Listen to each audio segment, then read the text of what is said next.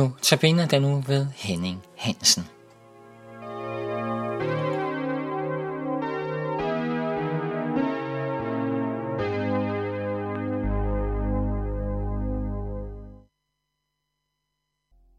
I dag vil jeg tale om tryghed ud fra den tid, vi har. Den tid, vi har til rådighed. Jeg har egentlig sat overskriften, skynd dig langsomt. Det var kejser Augustus valgsprog. Og Ludvig Holberg, han lader Fikkeskrej i Den stundelyse sige, kunne jeg dog engang al min livstid være så lykkelig, at jeg kunne sige ved mig selv, gak nu til sengs eller til bords i god ro. Nu er i dag intet mere at forrette. Men den tid kommer aldrig, til mine forretninger er ligesom en snebold. Jo mere jeg driver den frem, jo større bliver den. Om det at have travlt og synes, det er svært at nå tingene, så siger Pit Hein i et lille gruk. Alt for meget ingen når, kroner mange menneskers hår. Glæd dig sjæl, alt du formår, og alt det lidt du når. Ja, du kan synes, at du ikke når så meget. Men her minder Pit Hein os om, at vi skal glæde os over alt det, vi når, for vi når jo faktisk meget. Er tiden blevet din ven eller fjende i det her? For mig er der ingen tvivl om, at der er en sammenhæng mellem den måde, du prioriterer og bruger din tid på, og så den trivsel og dermed også den tryghed eller mangel på samme, du kan opleve i livet. Prædikeren han siger i kapitel 3, Alting har en tid, for alt hvad der sker under himlen er der et tidspunkt.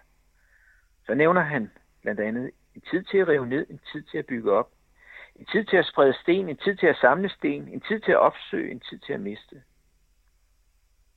Ja, selv har jeg oplevet det som dreng, at jeg havde tiden. Dagen lå foran mig.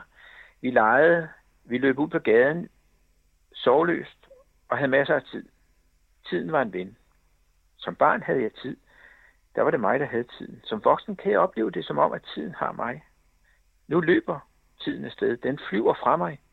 Andre gange indhentes jeg af tiden. Når så har den, så ved jeg nogle gange dårligt nok, hvad jeg skal stille op med den. Det sker, jeg slår tiden ihjel, siger jeg mærkeligt forhold. Som barn havde jeg overskud af tid. Nu har jeg ikke tid nok. Jeg kan vide, om børn i dag får lov at eje tiden, eller om vi som voksne stjæler tiden fra dem, så vi overgiver dem til tiden med aktiviteter og fritid, der er fyldt ud, og mor og far, der har travlt, osv. osv. En norsk digter, André Bjerke, siger lidt filosofisk, eller spørger lidt filosofisk, lever vi i en tid uden tid? Er det roen, som haster? Er det en barnlig luksus at gå i seng med forvisningen om, at jeg i dag har gjort, hvad jeg skulle, og der ikke mangler noget? Jeg tror ikke, det var sådan, vores skaber havde tænkt sig.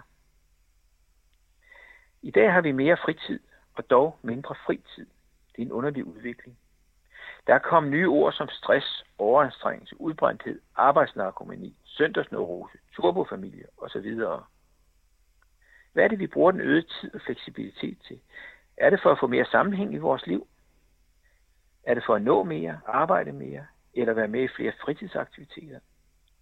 Har fleksibiliteten og nødet fritid givet os mere fritid? Har det forbedret vores livskvalitet? Eller er fritiden gået hen og blevet vores travleste tid? Og så er det ikke engang noget nyt. Midt i 1800-tallet skrev en præst, at helligdagen var begyndt at miste karakter af helligdag ved overdreven søndagstrafik med jernbaner og dammskibe i hver tid sine udfordringer. Ind i denne sammenhæng er det, at Jesus har en indbydelse til os. For han siger i Matteus evangeliet kapitel 11, vers 28, Kom til mig, alle I, som slider jer trætte og bærer tunge byrder, og jeg vil give jer hvile. Eller for at sige det med en lille fortælling om to små spurve. Hvorfor, spørger den lille spur rødkælken. Jeg kunne godt tænke mig at vide, hvorfor disse bekymrede mennesker farer sådan rundt og har så travlt. Jo, svarede rødkælken. Kære ven, jeg tænker, det må være, fordi de ikke har en himmelsk far, som tager sig af dem sådan, som vi har det. Det er sagt, at den eneste gang Gud havde travlt, det var, da han som far løb sin fortabte søn i møde. Så når vi har så travlt, siger det måske også noget om vores forhold til Gud. Eller vores forhold til Gud bliver præget af det. En gang sagde man hellere brænde op end ruste op, men er der ikke en mellemvej? Jo, der er en lille jødisk fortælling, der siger, at vort liv er som en skål, og meningen med skålen er to ting. Den ene er, at den skal fyldes, og den anden, at den skal tømmes. En tom skål er tom indtil den fyldes. Men bliver en tom skål ikke fyldt igen, så bliver den ved at være tom. Modsat tømmes en skål ikke. At hvis den ikke tømmes, så går indholdet i forrådnelse. Det er ikke spild af tid at hvile, det er en nødvendighed for os. Der var en mand, som kom galopperende på sin hest i fuld fart langs landevejen. En gammel bunden stod ved siden af vejen og så ham far forbi og råbte efter ham. Hej rytter, hvor skal du hen? Rytteren vendte sig i farten og skreg. Spørg ikke mig, spørg min hest. Ja, sådan vores liv er blevet i forhold til vores tid. Kære ven, som lytter her, jeg vil sige til dig, bliv ven med tiden. Lad ikke tiden tage dig. Gud ønsker ikke, du skal slides op i en fortravlet hverdag. Tværtimod. Gud inviterer dig og siger, kom til mig, alle I, som slider jer trætte.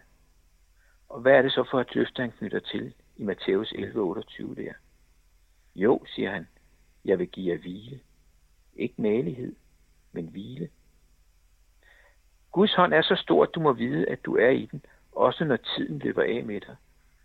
Når du ikke kan overskue tiden, så kan han, din far i himlen, Husk fortællingen om rødkælken og spore. Har vi, menneskene, så travlt, fordi vi glemmer, at vi har en far, der ønsker at sørge for os. Til sidst vil jeg citere et vers af Lina Sandel. Jeg kan hvile ud hos Jesus, når min vandring her er svær. Jeg kan slippe mine byrder, komme til ham, som jeg er. På sin skulder vil han bære mine byrder i og være. Amen.